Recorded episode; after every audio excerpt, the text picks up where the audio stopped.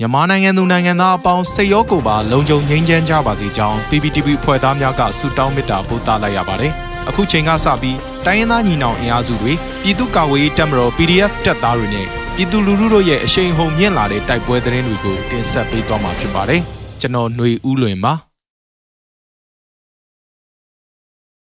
ပထမဆုံးအနေနဲ့ KNU တပ်မဟာ9ထိန်းချုပ်နယ်မြေတွင်စစ်ကောင်စီတပ် BGF ပူးပေါင်းတပ်နဲ့ KNL အကြား 3ရက်အတွင်းတိုက်ပွဲ10ကြိမ်ဖြစ်ပွားပြီးစစ်ကောင်စီဘက်မှအနည်းဆုံး6ဦးသေဆုံး9ဦးထပ်မံဒဏ်ရာရတဲ့တဲ့ရင်ကိုတင်ဆက်မှာပါ။ KN အမျိုးသားအစည်းအရုံး KNU တပ်မဟာ9ထိန်းချုပ်နယ်မြေမူတရောခရိုင်အတွင်းနယ်မြေကျူးကျော်လာတဲ့ကျန်းဖက်စစ်ကောင်စီတပ်ခပိုက်ဆောင် BGF တပ်ဖွဲ့များနဲ့ KN အမျိုးသားလွတ်မြောက်ရေးတပ်မတော် KNL အကြား3ရက်အတွင်းတိုက်ပွဲ10ကြိမ်ဖြစ်ပွားပြီးစစ်ကောင်စီဘက်မှအနည်းဆုံး6ဦးသေဆုံးက9ဦးထပ်မံဒဏ်ရာရကြောင်း KNU မူတရောသတင်းစင်ကသတင်းထုတ်ပြန်ပါတယ်။ AB လ6ရက်မွန်လွဲတနာရီ59မိနစ်မှာညာပေါ်ကလိုးနဲ့အဟော်ကလိုးကြားလမ်းကင်းလုံခြုံရေးယူနေတဲ့စစ်ကောင်စီခပိုက်ဆောင် BGF တပ်ဖွဲ့ကိုတစ်ကြိမ်နှစ်နာရီခွဲတွင်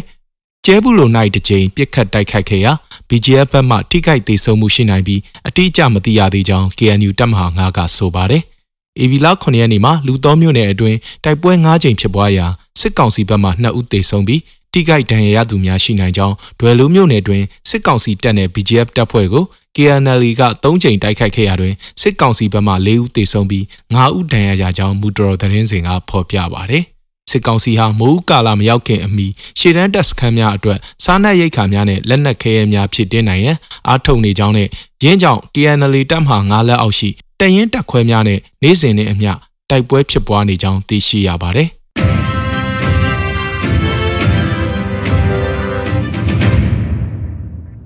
ဆက်လက်ပြီးကလေးမျိုးပေါ်မှာစစ်တပ်နဲ့ PDF များတိုက်ပွဲဖြစ်နေတဲ့တဲ့ရင်ကိုတင်ဆက်မှာပါ။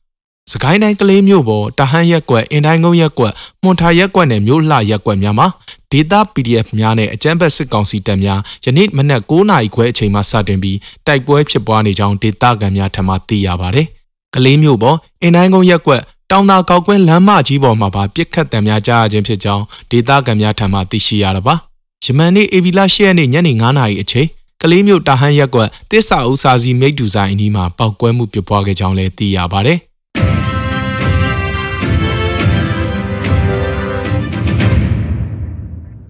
နောက်ဆုံးအနေနဲ့မင်္ဂလာတုံလေးတက်စခန်းရှော့တိုက်တုံးနဲ့အပြစ်ခံရပြီးလေးတက်လိုင်းကန်းနားမှာပောက်ကွဲသလိုရန်ကုန်မြို့တော်ကောက်ကွဲမှာလည်းရှော့တိုက်တုံးပောက်ကွဲပြီးလူတအူးထိစစ်တပ်ခောက်ဆွဲရုံအနီးမှာလည်းရှော့တိုက်တုံးပောက်ကွဲတဲ့တဲ့ရင်ကိုတင်ဆက်ပါမယ်။ အကြမ်းဖက်စစ်ကောင်စီကစီမံခန့်ခွဲလျက်ရှိသောစီပင်ပိုင်ရန်ကုန်မြို့တော်ကောက်ကွင်းကိုဒီနေ့မနက်6နာရီကျော်9နာရီဝန်းကျင်အချိန်မှာရှော့တိုက်တုံးနဲ့ပြစ်ခတ်ခံရပြီးလူတအုပ်ထိခိုက်ကြောင်းမင်္ဂလာတုံမြို့နယ်ရှိတပ်ပိုင်နေရာများကိုရှော့တိုက်တုံးဘုံများနဲ့ပြစ်ခတ်မှုများရှိကြောင်းဒေသခံနဲ့တပ်သတင်းရင်းမြစ်များထံမှသိရပါဗျ။ရန်ကုန်မြို့တော်ကောက်ကွင်းဟာ တပ်မတော်ကောက်ကွင်းနဲ့ဆက်ဆက်တည်ရှိနေပြီးအ धिक အားဖြင့်စစ်အရာရှိဟောင်းများဌာနဆိုင်ရာအရာရှိများနဲ့စစ်တပ်နဲ့ဆက်နွယ်တဲ့စီးပွားရေးသမားများလာရောက်ကစားခြင်းစီးပွားရေးဆွေးနွေးကြတဲ့နေရာတစ်ခုဖြစ်တယ်လို့ရန်ကုန်မြို့ကန်တချို့ကဆိုပါတယ်။ဒါအပြင်မင်္ဂလာတုံလေးတပ်စခန်းအိမ်တောင်တဲ့လိုင်းကန်းကိုလည်းရှော့တိုက်တုံးနဲ့ပြစ်ခတ်တိုက်ခိုက်မှုဖြစ်ပေါ်ခဲ့ပြီးစစ်တပ်ပိုင်းခောက်ဆွဲစိတ်ုံနားမှာလည်းပောက်ကွဲမှုဖြစ်ပွားခဲ့ကြောင်းဒေသခံများထံမှသိရှိရပါတယ်ခင်ဗျာ။